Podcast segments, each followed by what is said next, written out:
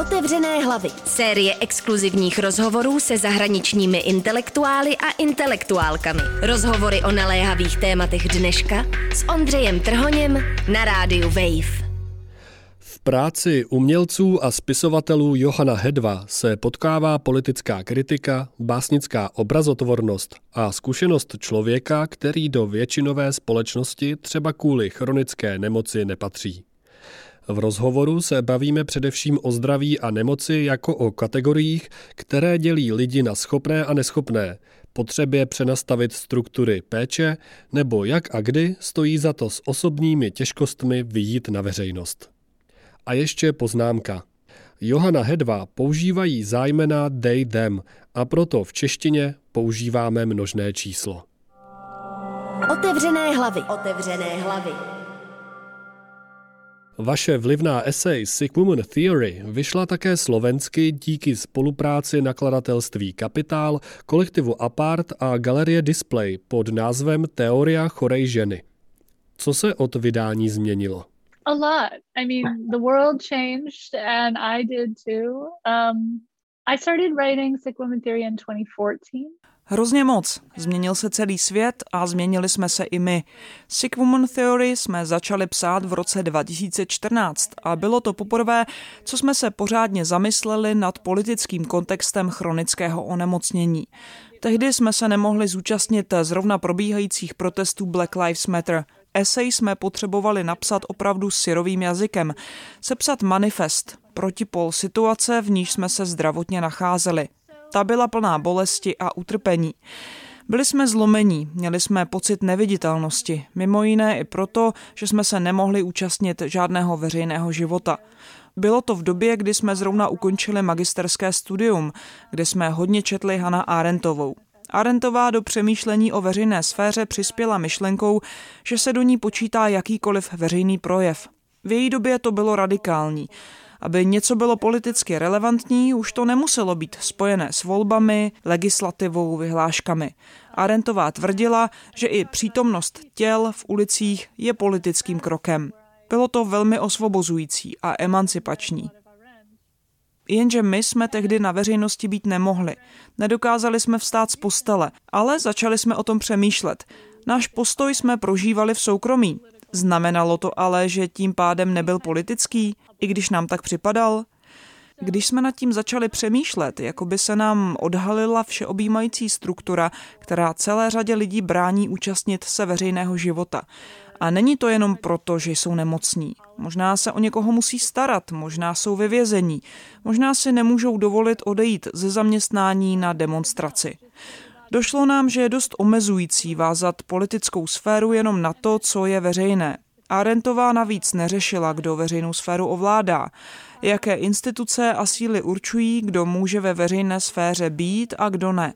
V roce 2014 nám přišlo důležité upozornit na to, že takový rozkol vůbec existuje. Osobně jsme se potřebovali vypsat z tehdejší nemohoucnosti. Co byste změnili dnes? eight years have passed since I started writing it, six years have passed since it was published. Od začátku psaní uplynulo 8 let, od vydání 6 let a od té doby jsme si uvědomili, že v několika ohledech Sick Woman Theory selhala. Dnes si myslíme, že jedinou věcí, pro kterou je žánr manifestu dobrý, je k odkrytí důvodů, proč jeho program nemůže najít naplnění. Cílem manifestu je spekulovat nemožným směrem, je to příliš neuskutečnitelný formát. Pojednává o věcech, které bychom si přáli, ale které se nemůžou stát. A navíc vám ještě vysvětlí, proč to nejde. Druhou věcí je, že jsme si uvědomili rozpor v naší definici nemocné ženy. Na jedné straně jsme ji popsali jako někoho, kdo by v ideálním případě neměl existovat, ale protože šlo o manifest, měla v něm taky sloužit jako figura, v níž se lidé měli být schopni identifikovat, mít pocit, že jejich situace, zkušenost není neviditelná, bezcená. A to jde proti sobě. Chtěli jsme postavu nemocné ženy kritizovat, je jedno, jaký máte gender, jací jste, ale dokud vás definuje péče, kterou potřebujete anebo dáváte, jste nemocná žena. Spolu s tím přichází znehodnocení. Neschopnost a ženství jdou jako společné kategorie ruku v ruce. Je to slabost, je to křehkost, neschopnost. Chtěli jsme teoreticky popsat, jaká nemocná žena je, jak vzniká, jaký společensko-ekonomický systém využívá. Poukázat třeba na to, že nemocná žena má i svůj protiklad. Muže, který může dělat, co se mu zamane. Kdykoliv. Může utvářet svět, není spoutaný péčí, materiální podporou. the figure of the sick woman. This figure shouldn't exist. Problém ale nastává ve chvíli, kdy takovou figuru chcete použít k budování solidarity. Dnes se nám zdá, že dokud nezačnete kolem takové postavy tvořit komunitu, skutečná solidarita to není. Mnoho let jsme pracovali jako aktivisté, takže víme, že příslibů solidarity je všude hodně. Máte z nich dobrý pocit, ale jak ví každý aktivista, když se začnete hmatatelně snažit o jejich uskutečnění, sliby nestačí solidarita musí být materiální. Sick Woman Theory naráží se svým emancipačním záměrem na podobný problém jako aktivismus, stojící na jakékoliv identitární subjektivní pozici. Není to nejlepší věc, kolem které se spojovat s ostatními lidmi. Tahle dvojsečnost mi připomíná mé vlastní myšlenky ohledně duševního zdraví. Třeba když máte diagnózu, jako je moje obsedantně kompulzivní porucha. Víte, že vám ji někdo dal podle diagnostického manuálu, který je očividně a do velké míry stavěný na vodě a navíc skrz na skrz politický. Jenže je pro vás zároveň důležité tu nálepku mít, abyste se měli čeho chytit, čím vysvětlovat svoji situaci, nebo si najít správnou komunitu. I completely agree. I think that that's exactly what it is, but I also think that that's true for any kind of identity. Naprosto s vámi souhlasíme, ale podle nás to platí pro jakoukoliv identitu, například queer. Na jedné straně je úžasné konečně mít pro sebe slovo, kulturu, historii, komunitu, ale zároveň jste najednou v antikvír místech v nebezpečí. Reprezentace a viditelnost mají vždycky dvě strany. A co se týče konkrétně zdraví, tak je to ještě těžší. Pro hodně z nás je to dostat diagnózu nutná podmínka, abychom se vůbec mohli dostat k nějaké léčbě, terapii, k lékům, cokoliv potřebujete. Jenže najednou někde navždy máte složku s vaším diagnostickým kódem z DMS5 manuálu a někdo vás může na jejím základě patologizovat a diskriminovat. Problémy přichází především ve chvíli, kdy dochází k institucionalizaci takových věcí. Například máme kamarády, kteří nechtějí o své situaci mluvit v zaměstnání, báli se vyhazovu, ale aby se mohli přihlásit o invalidní důchod, museli by to udělat. Je to hodně obtížný problém, ale jak jste řekl, diagnoza vám zároveň dává způsob, jak o svém stavu mluvit s ostatními. Občas se hodí, protože lidé taková slova znají a vědí, co znamenají. I to má ale stěnou stránku. Jsme přece víc než naše diagnóza. Máte OCD, ale možná nemáte všechny symptomy OCD a tak dál. Všechno nakonec směřuje k tomu, že když máte nějakou chronickou nemoc anebo potíže, musíte být patologizováni, abyste vůbec mohli přežít. A to je zvrácené. Nevím, co s tím, protože takhle je nastavený celý lékařský systém i struktury péče.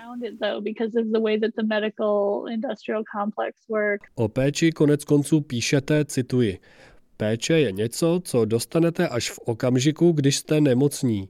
Není v základu našeho přemýšlení o fungování společnosti. Jak jste to mysleli? I mean, the problem, you know, is that if you conceptualize wellness or health Víte, potíž je v tom, že zdraví anebo duševně fyzickou pohodu máme za normu. Přitom to tak není. Ale pokud k tomu takhle přistupujete, tak je péče a materiální podpora vlastně potřeba jenom občas. Poskytuje se jen těm lidem, kteří se od normy odchylují. Zdraví a pohodu navíc samozřejmě jako společnost definujeme v kapitalistických termínech. Dobře vám je, když můžete jít do práce a jste produktivní součástí společenských systémů. V případě, že to tak není, je s vámi něco špatně. A pak je lepší vás odsunout někam pryč, než se váš stav zlepší natolik, abyste mohli jít zaspracovat a všechno bylo normální. Covid napověděl, že tenhle přístup nefunguje. Máme za to, že nejobecnější a sdílená lidská zkušenost spočívá v tom, že lidská těla jsou křehká a potřebují podporu neustále. To je prostě pravda. Pořád bojujeme s nějakými nemocemi, potřebujeme odpočinek, jídlo nebo péči. Lidské potřeby nikdy jenom tak nezmizí. A přesto jsme náš svět postavili způsobem, který jako by to viděl naopak. Mít potřebuje dočasné vychýlení z rovnováhy. No a když něco potřebujete hodně, tak vás společnost vidí jako selhání, jako někoho, kdo neumí správně pracovat. Je to jeden z magických triků, kterým kapitalismus svět ošálil. Uvěřili jsme, že vlastně nepotřebujeme za stolik a pokud chceme moc, je to známka naší individuální nedostatečnosti.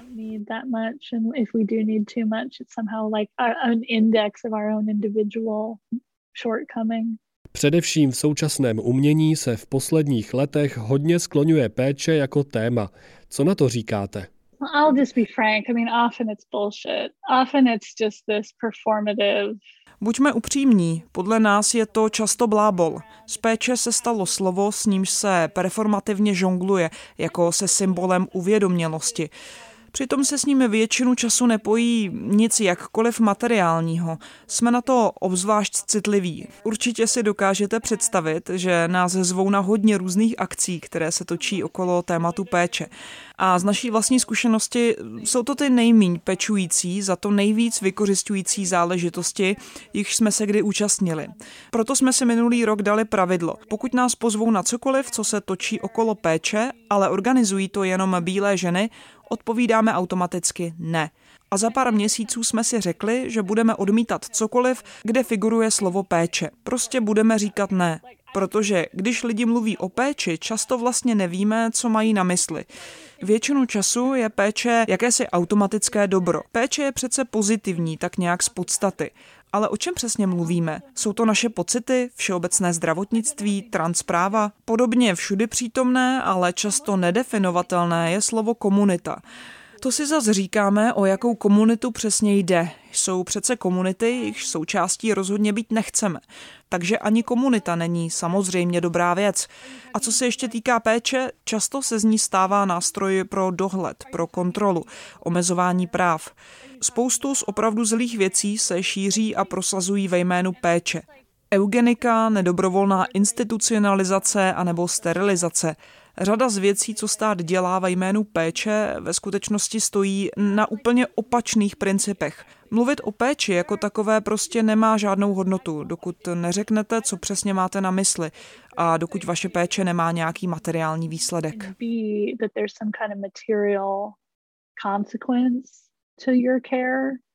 Máte příklad? But I was like at some kind of like festival kind of thing in the art world that was many days, like a weekend or whatever, that was organized around care and disability and stuff. Vzpomínám si, že nás pozvali na umělecký festival, který se točil okolo péče a nespůsobilosti. Měli jsme tam koncert. Organizátoři měli plná ústa péče. Řekněte nám, co potřebujete a zařídíme to, jak jen to půjde. Tak jsme jim řekli, dobře, chceme dvě zkoušky. Dlouho jsme nehráli, potřebujeme vyladit zvuk, světla a tak podobně. Dali nám jen jednu. OK, stane se, zvládneme to. A k tomu dodali, že na ní máme jen dvě hodiny. No, sakra, tak to musíme zamakat. Přijdeme na místo, věci jsou spožděné, my jsme nervózní a říkáme, tak jo, pojďme na to, ať to stihneme, koncert začíná za chvíli. Jenže organizátoři nám řekli, no ale vždycky, když přijde někdo nový, sedneme si do kolečka a všichni tam řekneme, jak se cítíme. To bylo to poslední, co jsme potřebovali. Chceme zapojit svoje nástroje a vyzkoušet si zvuk. A oni si přitom fakt mysleli, že tímhle ukážou, jak se snaží o všechny starat a jak o všechny pečují. Přitom to byla ta poslední věc, kterou jsme my v té chvíli potřebovali. Osobně doufáme, že tahle bublina péče brzy splaskne frankly that the care thing is over soon. Jste veřejná osoba a o traumatu otevřeně mluvíte. Pro řadu lidí je to bez pochyby důležité. Například od přeživších sexuálního násilí ale slýchám, že je štve určitý tlak na to, aby své trauma probírali na veřejnosti a třeba tak podstoupili opakovanou viktimizaci. Co na takový spovědnický styl, kterým o traumatu mluvíme, říkáte? I I agree with this. I mean, I fucking hate that I have to kind of trot out my traumas order to seem legitimate in what I'm talking about. Souhlasíme s nimi. Nenávidíme představu, že abychom vypadali důvěryhodně, musíme svoje traumata rozebírat. Fakt to nesnášíme, protože pak se to používá k překrucování našeho příběhu.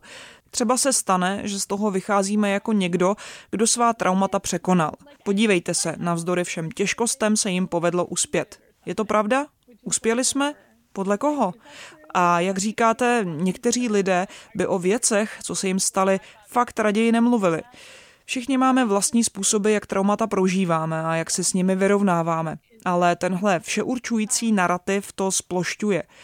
Před pár měsíci vyšel v New Yorkeru text The Case Against the Trauma Plot proti trauma zápletce od Parul Seghal, který způsobil menší pozdvižení. Segal píše o tom, jak se traumatický narrativ stal základním způsobem, jímž chápeme všechny příběhy. Zmiňuje zejména hollywoodské filmy, třeba ty se superhrdiny.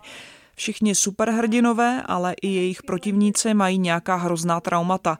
A Segal tvrdí, že když se trauma prožívá takhle po všechně, najednou jsou traumatizovaní vlastně všichni. Takže i lidé, kteří vám trauma způsobili, mohou být svým činem traumatizovaní. Všechno se dostává na stejnou úroveň.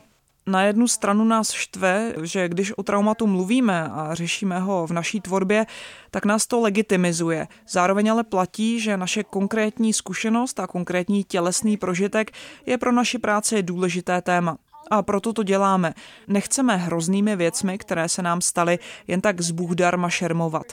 Ale když se bavíme o nemoci, o utrpení, o různých druzích znevýhodnění, křehkosti, zdá se nám důležité o svých zážitcích mluvit. Ale ne vždycky. Naše nejoblíbenější vlastní dílo se nakonec týká Nine Inch Nails, protože tu kapelu milujeme. Nefiguruje tu žádné naše trauma, jenom nadšení, je ale pravda, že se nám staly hrozné věci plné násilí, bolesti a utrpení a že jediný způsob, jak jsme se s nimi mohli tělesně vyrovnat, bylo vložit je někam mimo vlastní tělo, do jazyka. A jsme vděční, že jsme tenhle nástroj dostali do ruky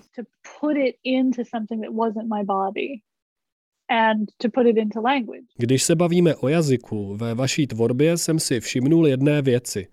V Sick Woman Theory místo jsme nemocní používáte aboriginskou frázi nemoc na mne dopadla a ve sbírce Minerva and the Miscarriage of the Brain místo o site-specific, tedy místně specifickém umění, mluvíte o místně reagujícím umění.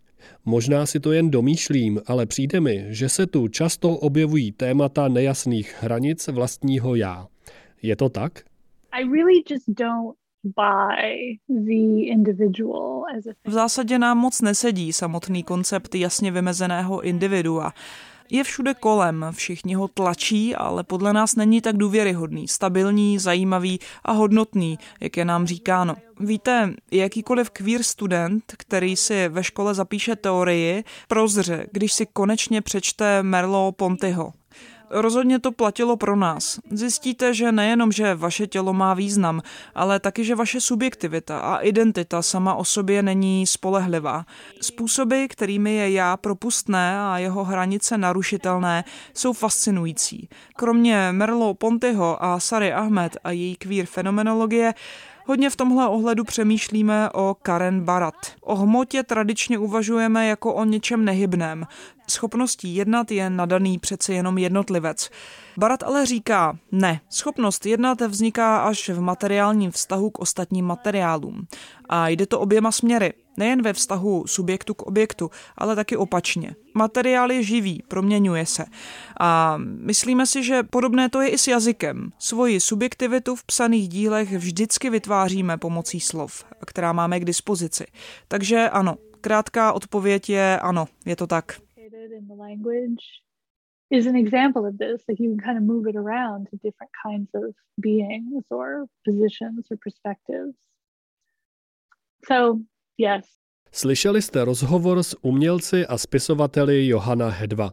Příští týden se můžete těšit na rozhovor s výzkumníkem a umělcem Joshua Citarelou, se kterým se budeme bavit o memech nebo online radikalizaci. Ondřej Trhoň, Radio Wave. Otevřené hlavy. Série exkluzivních rozhovorů se zahraničními intelektuály a intelektuálkami. Otevřené hlavy. Rozhovory o naléhavých tématech dneška. Další díly najdete na webu wave.cz lomeno otevřené hlavy, v mobilní aplikaci Můj rozhlas a v dalších podcastových aplikacích.